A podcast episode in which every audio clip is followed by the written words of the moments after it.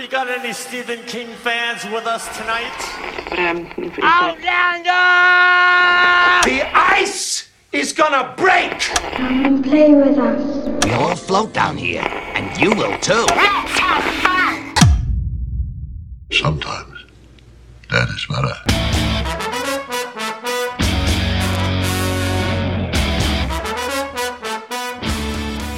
I'm your number one fan. Witam Was, kochani, bardzo serdecznie w kolejnym odcinku podcastu Radio SK. Dzisiaj mówi do Was Hubert Spandowski, czyli Mando, i dzisiaj opowiem Wam o komiksie. O komiksie tylko około kingowym, ale o komiksie dla mnie bardzo ważnym i dla Radia SK też bardzo ważnym. O komiksie Amerykański Wampir 1976, czyli o dziewiątym tomie serii, która wychodzi w Polsce od 12 lat. Historia polskiego wydania tego komiksu jest e, arcyciekawa. 12 lat e, polskiego rynku komiksowego to są takie zmiany, e, to były takie zawirowania, to była już skasowana seria, która odżyła po czasie w dużo niższej cenie. To była seria, której nie widzieliśmy w Polsce od 6 lat. I to była seria, którą ja na bieżąco recenzowałem tom po tomie w Radiu SK. Mm, I ja bardzo lubię te podcasty, bo one są też troszeczkę przeglądem tej e, historii polskiego rynku komiksowego e, na, na podstawie tego tutaj jej malutkiego wycinka. Tom 9 ukazał się w Polsce 31 maja 2023 roku. W Stanach troszeczkę wcześniej. W Stanach ten tom zaczął wychodzić e, w zeszytach, no i też skończył jako wydanie zbiorcze w 2021 roku. To jest znów pokaźny komiks. To jest 10 zeszytów, 264 strony. Jego cena okładkowa to jest 100 zł, no ale realna cena do wyrwania w internecie to jest jakieś 65-70 zł.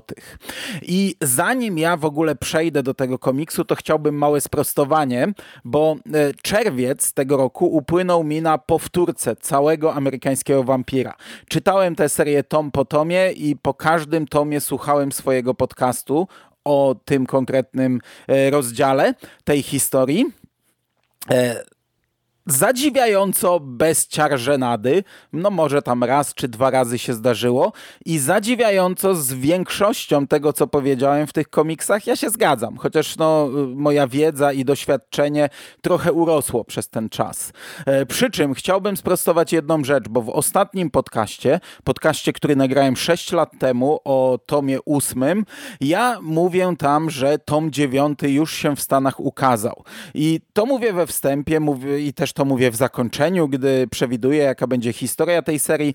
Mówię o tym, że prawie wyszliśmy na, e, zrównaliśmy się z amerykańskim rynkiem, ale jakoś tam dwa dni temu ukazał się tom dziewiąty, który miał zawierać, według tego, co powiedziałem, drugą antologię, komiks e, niewydany w Polsce i komiks, który chyba nie będzie w Polsce wydany, e, oraz jakiś one-shot, czyli takie, powiedziałem, że to jest analogiczne do tomu szóstego, czyli dostaniemy kolejny podział między kolejnymi cyklami.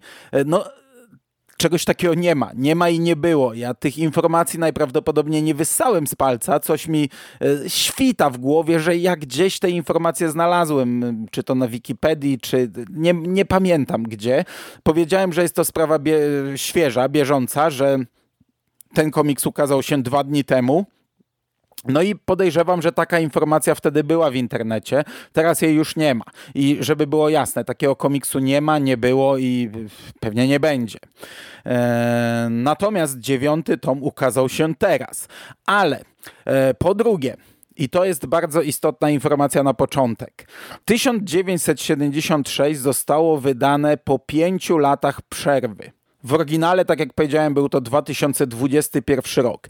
Ja w miarę śledziłem temat na bieżąco, ale tylko go tak śledziłem pobieżnie. Nie na tyle mocno, by zagłębić się, no umówmy się, w podstawowe informacje, czym w ogóle jest ten komiks, czym jest ten tom.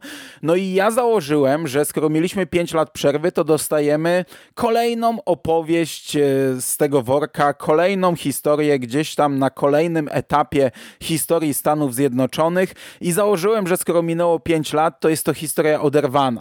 Gdy Egmont zaczął reklamować e, polskie wydanie tego komiksu, no to e, oparł to na sloganie, że ostatni tom, ostatni powrót Skinnera Sweeta, Pearl Jones, jeszcze jedna walka, koniec wielkiej historii. No i ja nawet wtedy tak trochę z politowaniem na to patrzałem, nawet chciałem skomentować, że ta jasne, ostatni powrót do momentu, aż nie będzie kolejnego powrotu za kolejne kilka lat, ale stwierdziłem, że nie będę tam się wcinał. Mają taką linię reklamy, niech tak to reklamują, może więcej się tego sprzeda. No i ja nawet mówiłem kilka razy, że podejrzewam, że nie trzeba powtarzać sobie tomów 1.8, bo przecież po tylu latach nie mogą wydać komiksu, który zrozumieją czytelnicy, którzy tyle lat temu czytali tę serię, że to na pewno będzie przyjazne, z niskim progiem wejścia, e, przyjazne dla nowego odbiorcy. No, e, nie mogłem bardziej się pomylić. Sam stwierdziłem, że powtórzę, ale powtórzę dlatego, że chcę. Nie dlatego, że muszę. Zakładałem cały czas, że nie muszę powtarzać tych ośmiu tomów, ale chciałem to zrobić.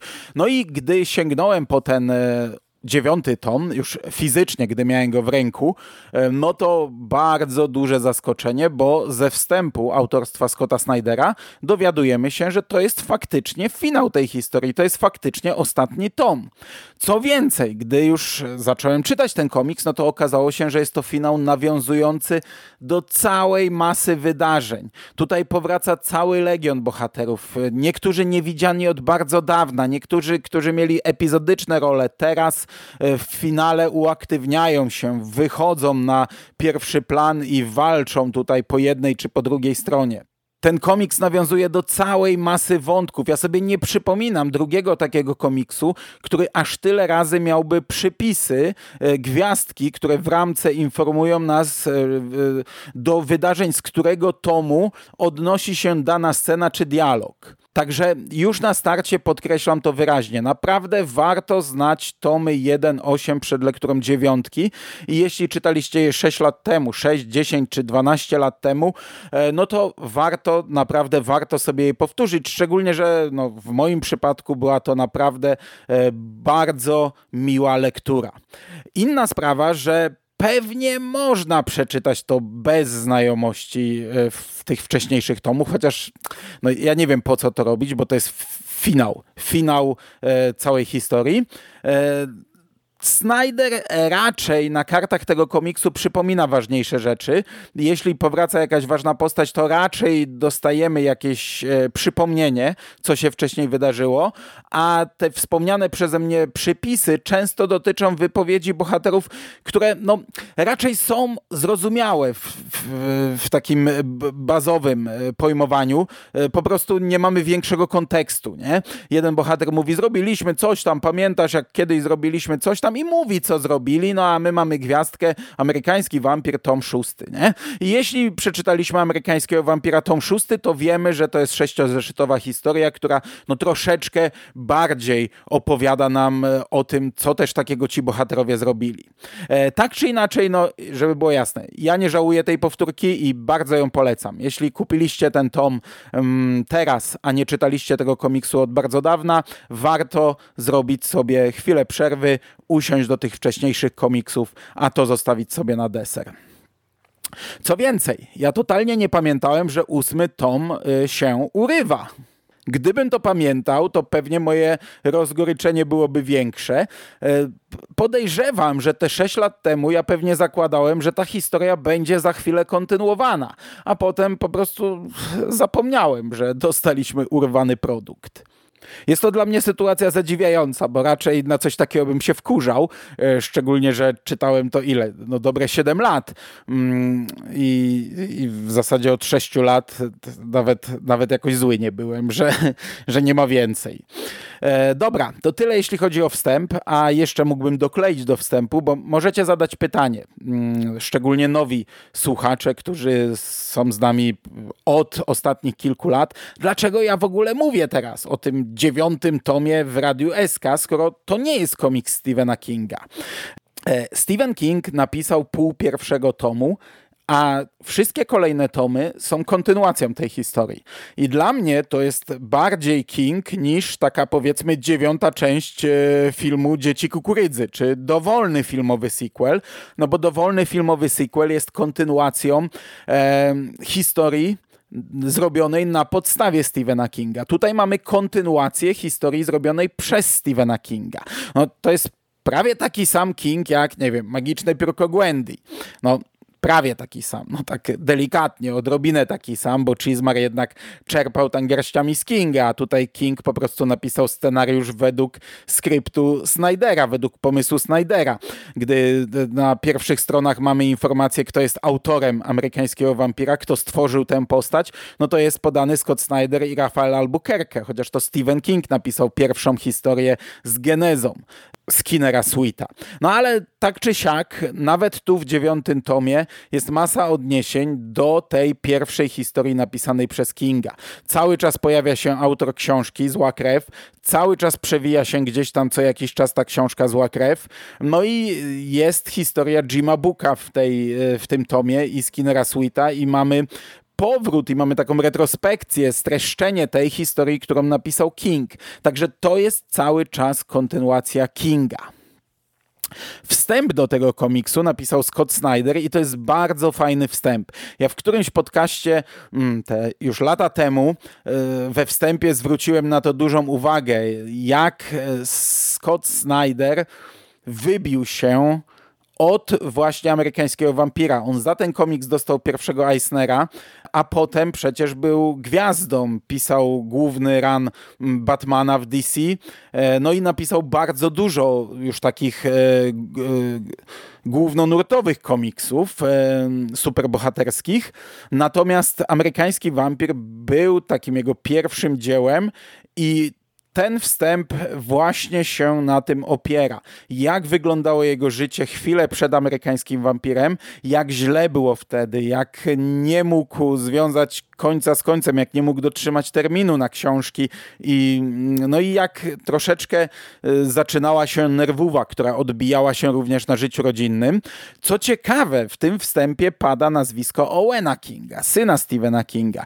To Owen Podobno przyjaciel Scotta Snydera zasugerował mu, by ten napisał scenariusz do komiksu, do pewnej antologii superbohaterskiej, a potem się to potoczyło. Ale jeszcze dodatkowo mamy ciekawą historię tego, jak Vertigo w, przy pierwszej rozmowie odrzuciło projekt amerykańskiego wampira jak Snyder e, naciskał, prosił, wybłagał drugą rozmowę, gdzie drugiej rozmowy, jak tutaj wyraźnie pada z tego wstępu, nigdy nie ma, a, a jeśli by ona była, to na pewno nie przyjmą czegoś, co już odrzucili, a tutaj przyjęli. Przeszło cuda się wydarzyły.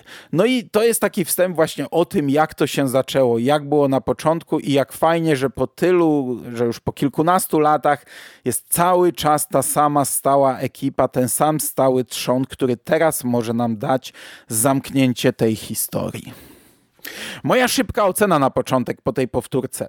E, powiem wam, że ja byłem zachwycony tym komiksem od jego startu i teraz, gdy powtarzałem go, to byłem nadal tak samo zachwycony, bo wiele rzeczy wyparowało z mojej pamięci. Ja taki pierwszy tom to czytałem już chyba, nie wiem, piąty raz, a mimo wszystko czytało się to fantastycznie, a kolejne tomy, wow, i pod względem historii, i pod względem e, rysunków. E, przy czym tomy 1-5 stanowią pewien zamknięty rozdział, ten pierwszy cykl i to jest fantastyczna opowieść, chociaż trochę jest jechana po schemacie.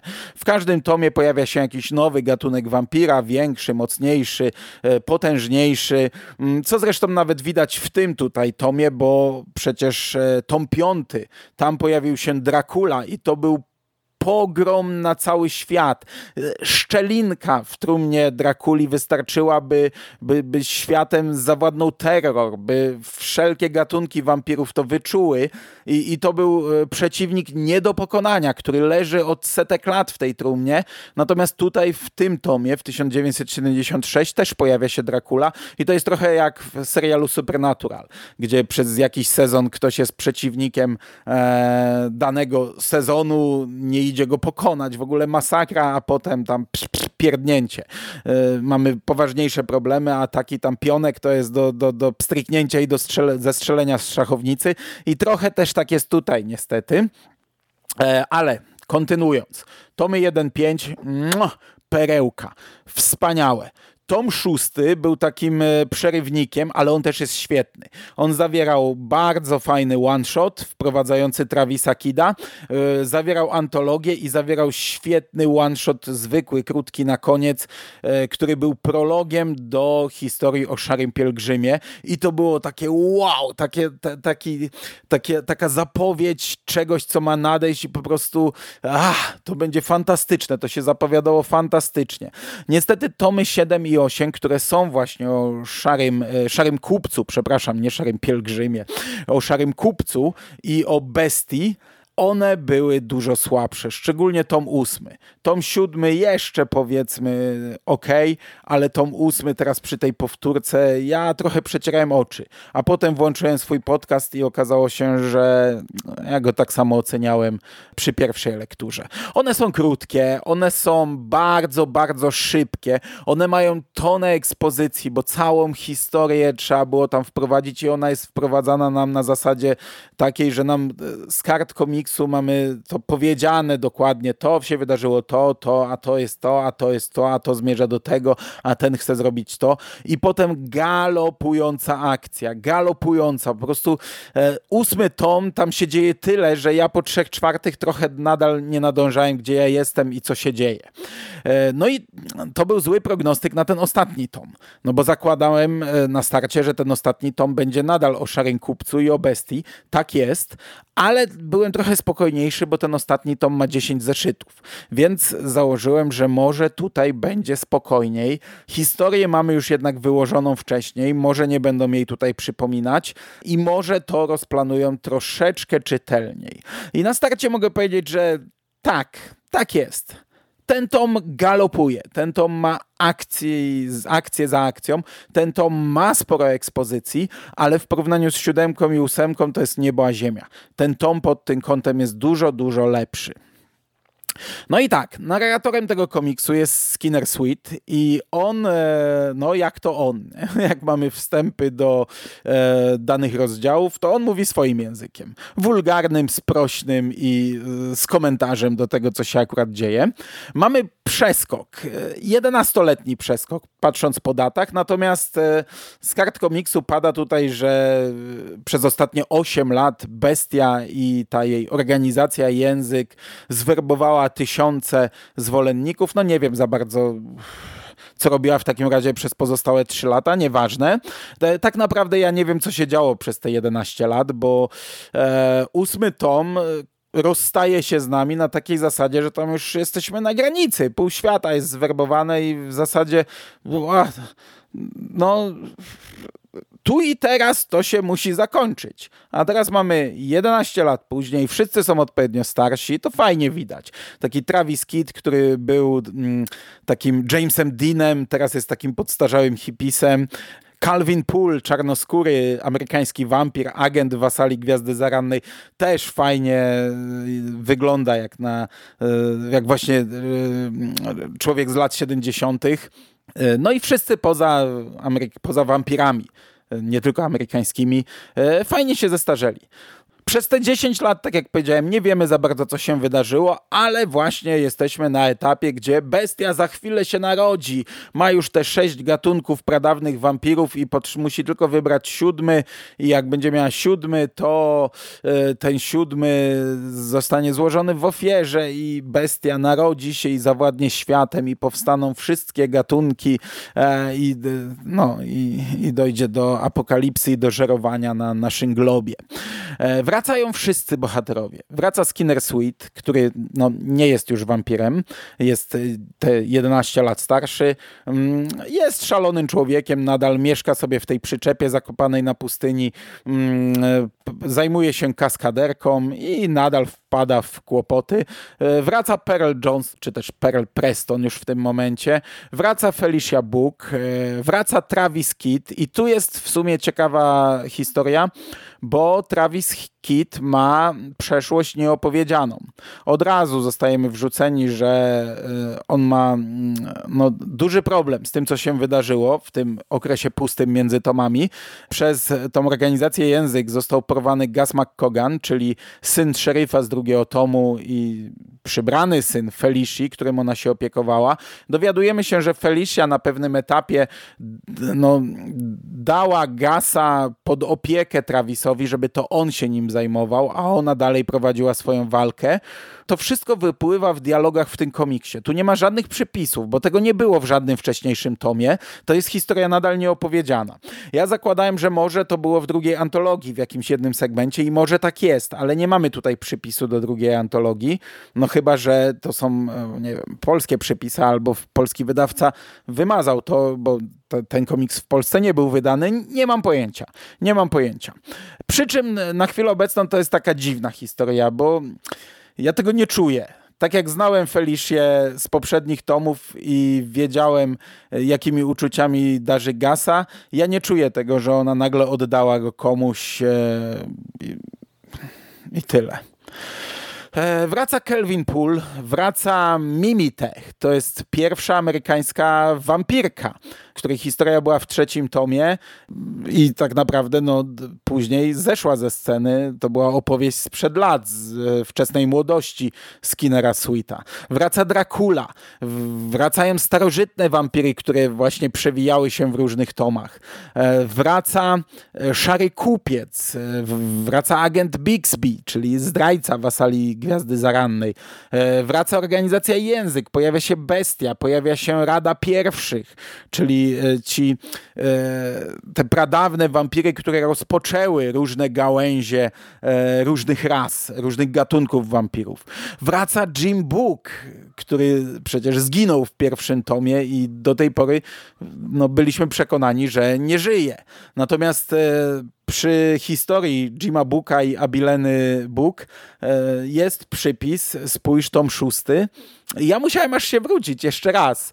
I tam faktycznie ostatnia strona no, pokazuje nam Jima Booka, tylko że wtedy ja nie zakładałem, że to jest Jim Book, ja nie wiedziałem, kto to jest i, i szczerze przyznaję, że było to trochę zaskoczenie. No i wszyscy oni e, przeprowadzają pewien plan. Zaczyna się to od e, napadu na pociąg. Stary pociąg parowy, pociąg wolności, cały wypełniony amerykańskimi pamiątkami i e, gdzieś tam jest ukryta informacja o tym, gdzie znajduje się siedziba Rady Pierwszych. Ten komiks jest bardzo amerykański, naszpikowany symbolami amerykańskimi. Akcja tego komiksu dzieje się w, na dwustulecie Ameryki i jest masa nawiązań, nie tylko nawiązań, ale widzimy te sceny z George'em Washingtonem, który podpisał pakt z Radą Pierwszych już te 200 lat temu. E, wraca powieść Zła Krew. E, nawet, nawet Tama Hoovera, która była budowana w drugim tomie, ma tutaj mm, swoje 5 sekund, ma tutaj swoją chwilę. No i to jest opowieść naszpikowana i wydarzeniami, i akcją, i różnymi elementami, i powracającymi bohaterami, i nowymi bohaterami, i mnóstwem wampirów, mnóstwem gatunków wampirów, ale tak jak powiedziałem, mimo wszystko jest ona spokojniejsza i dużo bardziej zrozumiała niż tom ósmy i dużo bardziej liniowa, taka prowadzona w taki sposób, że no ja się nie gubiłem nie miałem problemu z nadążeniem, co tu się do jasnej cholery w tym momencie wydarzyło. Komiks obfituje oczywiście w zwroty akcji, w twisty i to takie duże twisty. Gdzieś tam ten plan, który oni mają no, na, na różnych etapach, on zawodzi. On się wykłada na mordę, bo nagle ktoś zmienia stronę. Okazuje się, że haha, byłem dobry, jestem zły, ha, byłem zły, jestem dobry. No i tych przetasowań tutaj jest mnóstwo. No i to wszystko prowadzi nas do finałowej wielkiej bitwy. E, to jest jeden z finałów, czyli bitwa, no bo faktycznie bestia powstaje, świat zostaje opanowany, e, wampiry kontra wampiry walczą, e, nasi bohaterowie w ostatniej bitwie, w ostatniej walce, w ostatnim poświęceniu i nawet mamy na koniec bitwę dwóch e, gigantycznych bestii, e, no także dzieje się, nie? ale mnie się to podoba. Ja nie miałem z tym problemu. To jest fajne zakończenie tego komiksu. E, no a oprócz tego mamy te, te małe finały, powiedzmy, różnych bohaterów. E, zarówno mały finał, zamknięcie tak naprawdę, ostatnia strona, która jest, jest bardzo fajna. Pokazuje co dalej z e, wasalami Gwiazdy Zarannej, co dalej ze światem i na sam koniec taki bardzo fajny psztyczek od Skinnera na, na ostatnim kadrze. No mamy zamknięcie wątku Skinnera Sweet i Pearl Jones. Tak jak e, Scott Snyder we wstępie pisze, to zawsze była ich historia. To była Ameryka widziana dwoma e, spojrzeniami. Spojrzeniem tej dobrej e, dziewczyny i tego do szpiku złego kolesia. Ten koleś się zmieniał. Zmieniał się już od, od dłuższego czasu, przy czym no, on był zły. No, nawet jeżeli działał przez jakiś czas, pomagał komuś dobremu, to, no, to był, był specyficzny człowiek, aczkolwiek jakiś tam, jakaś tam relacja, jakiś tam związek między Pearl a Skinnerem już od dawna wypływała na, na pierwszy plan, przy czym pierwsze pięć tomów to była historia miłosna Pearl i Henry'ego. E, ale nawet już wtedy e, no, przebijało, przebijała relacja ze Skinnerem, e, no to zostaje tutaj w pewien sposób spuentowane. E, Skinner też od momentu takiego dużego twistu w środku mamy, mamy e, fajnie pokazywane jego przemyślenia, kim on był przez te setki lat, e, dziesiątki lat, mm, kim mógł być, kim mógł się stać, a do czego doprowadził ostatecznie i jaką decyzję ma podjąć na koniec. Mnie się to chyba podoba. Co prawda miałem taki mały problem e, w pewnym momencie, bo przecież no, założeniem amerykańskiego wampira było zwrócenie kłów i szponów wampirom. To była odpowiedź na zmierzch, na e, historie miłosne, wampiryczne. To też jest historia miłosna, ale z drugiej strony ona od początku taka była.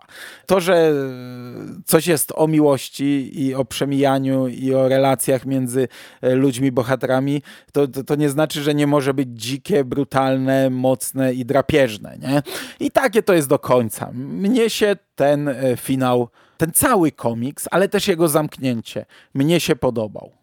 Co ciekawe, na okładce mamy trochę więcej e, nazwisk e, rysowników. Otóż, gdy dochodzi do pewnego dużego twistu po sześciu zeszytach w środku, to mamy pewien przerywnik. Siódmy zeszyt tego komiksu to jest taka mała antologia. To jest komiks, który ma podtytuł Drzewa genealogiczne. My to mamy w spisie treści na początku. Ten spis treści jest trochę mylący, bo te historyjki w samym komiksie nie mają tytułów i ja trochę nie wiedziałem, czym są drzewa genealogiczne i czy, czemu tu są wymienione cztery tytuły, a nie trzy. E, dopiero jakoś to potem skleiłem w głowie, że drzewa genealogiczne to jest tytuł całości, a historię mamy trzy: korzenie, pień i gałąź. Pierwsze rysuje Tula e, Lotaj ona miała segment w pierwszej antologii. Drugą historię pień rysuje Francesco Franciavilla. E, on, jak wyżej, też miał segment w pierwszej antologii. Trzecią gałąź rysuje Ricardo Lopez Ortiz. I tak jak powiedziałem, to jest taka mikroantologia e, w pigułce. E, pierwsza historia to jest wieczór przed śmiercią George'a Waszyngtona odwiedziny szarego kupca, przełożenie pewnego spotkania, pewna rozmowa w nocy. Druga historia jest o Pearl i Jimie, której akcja rozgrywa się w World Trade Center, czyli kolejny symbol amerykański i tam pojawia się postać Mai Bunting, czyli krewnej Willa Buntinga, autora Złej Krwi. No i pojawia się nowa książka z całą historią e, wasali Gwiazdy Zarannej. Kończy się to tak naprawdę w trakcie, urywa się, kończy się to atakiem wampirów, walką. Natomiast ostatnia historia to, jest, to są święta u Travisa i Gasa, czyli to, co powiedziałem. Travis został takim przybranym opiekunem, przybranym ojcem Gasa. Gas e, stał się też takim pankowcem młodym i oni tam szaleją na łodzi podczas świąt Bożego Narodzenia. Fajna rzecz, fajny przerywnik, aczkolwiek tak dziwnie, bo to, to tak w środku, nie? Nagle e, dostajemy twist i nagle takie coś, bez żadnego słowa wyjaśnienia troszeczkę, a potem nagle przechodzimy znów do tamtej historii. E, trochę dziwnie to jest wrzucone po środku. Na sam koniec mamy galerię okładek i to są takie fajne warianty, wszystkie przedstawiają Perli Skinnera, czyli cały czas ten duet, ten e, się przewija na tych artach, na tych e, wizjach tej, wizualizacjach tej opowieści. Okej, okay. Podsumowując, ten komiks w Stanach wystartował w 2010 roku. W Polsce rok później. Minęło 13 lat od amerykańskiej premiery, 12 lat od czasu, jak polski czytelnik rozpoczął ten podróż. Po takim moim szybkim googlowaniu, ja widziałem raczej umiarkowanie ciepłe opinie na temat tego komiksu. Nie wiem, ja się z nimi do końca nie zgadzam, ale myślę, że powodem trochę jest fakt, że coś, co 12 lat temu było świeże, no po 12 latach, po 9 tomach i pewnie też po dużo większym doświadczeniu czytelnika, no bo przez ten czas rynek komiksowy zmienił się całkowicie, staje się trochę mniej świeże. No wiecie, rysunkowo ten komiks wygląda identycznie. Wydaje mi się, że lepiej niż taki tom siódmy, czy nawet ósmy. Wydaje mi się, że nie lepiej niż te pierwsze, e, niż, e, niż cały e, pierwszy cykl, ale tak naprawdę to są jakieś tam drobiazgi, pierdoły. To jest historia spójna pod tym kątem i mnie się to podoba. Ale to też się może opatrzeć i na to też się narzeka w recenzjach. Mm, fabularnie no, trzeba mieć świadomość, yy, jak ten komiks się zmienił w pewnym momencie. Yy, żeby było jasne, 1976 to jest na bank najlepszy tom z tych trzech ostatnich. My, jako czytelnicy, pamiętamy głównie start tego komiksu, który był doskonały, który był fantastyczny, a jak na tamte czasy i na naszą świadomość był a, mua, przepiękny, fantastyczny, cudowny, ale no, ja sobie odświeżyłem te osiem tomów i końcówka serio nie należy do najlepszych. Te dwa ostatnie tomy, siódmy i ósmy, one są słabe, a ósmy jest nawet nawet tak, nawet tak bardzo słaby, patrząc w skali całości. Bo to nie jest zły komiks, ale, ale jednak obniżenie lotów jest duże. No i mając w głowie całość, e, ten finał jest dobry. Szkoda, że ta historia szarego kupca i bestii e, została w taki sposób napisana, że pierwsze dwa segmenty galopem, po prostu w skondensowanej formie, rzucone nam w biegu, potem lata przerwy i, i, i, finał. Szkoda, że nie mieli więcej czasu, że nie mieli też pięciu tomów na rozpisanie tego wolniej, ciekawiej, lepiej na różnych e, frontach z różnymi bohaterami, tak jak to było w tych pierwszych pięciu tomach. No ale trudno. Tak nie zostało zrobione i uważam, że ten komiks, ta seria dostała godne zakończenie. Ja się bardzo cieszę, że to zakończenie przeczytałem. Nie liczyłem na nie, nie czekałem, bo tak jak mówię, zapomniałem o tym, że powinienem na nie czekać. I nagle po 12 latach, a nawet 13 latach, bo ja ten komiks czytałem na początku w oryginale, dostałem zamknięcie czegoś. Cholernie coś takiego lubię. To nie było rozczarowujące zamknięcie. Ja jestem zadowolony. Jest to też zamknięcie pewnego rozdziału Radia SK, bo amerykański wampir jest ze mną i z z wami, przynajmniej z niektórymi z was, od początku, prawie od początku, 2012 rok, to, to, był, to był drugi rok nadawania Radia SK e, i teraz kończymy to, zamykamy i ja się bardzo cieszę i to było dobre zamknięcie. Dziękuję Wam bardzo za uwagę. Trzymajcie się ciepło. Do usłyszenia w przyszłości. Cześć!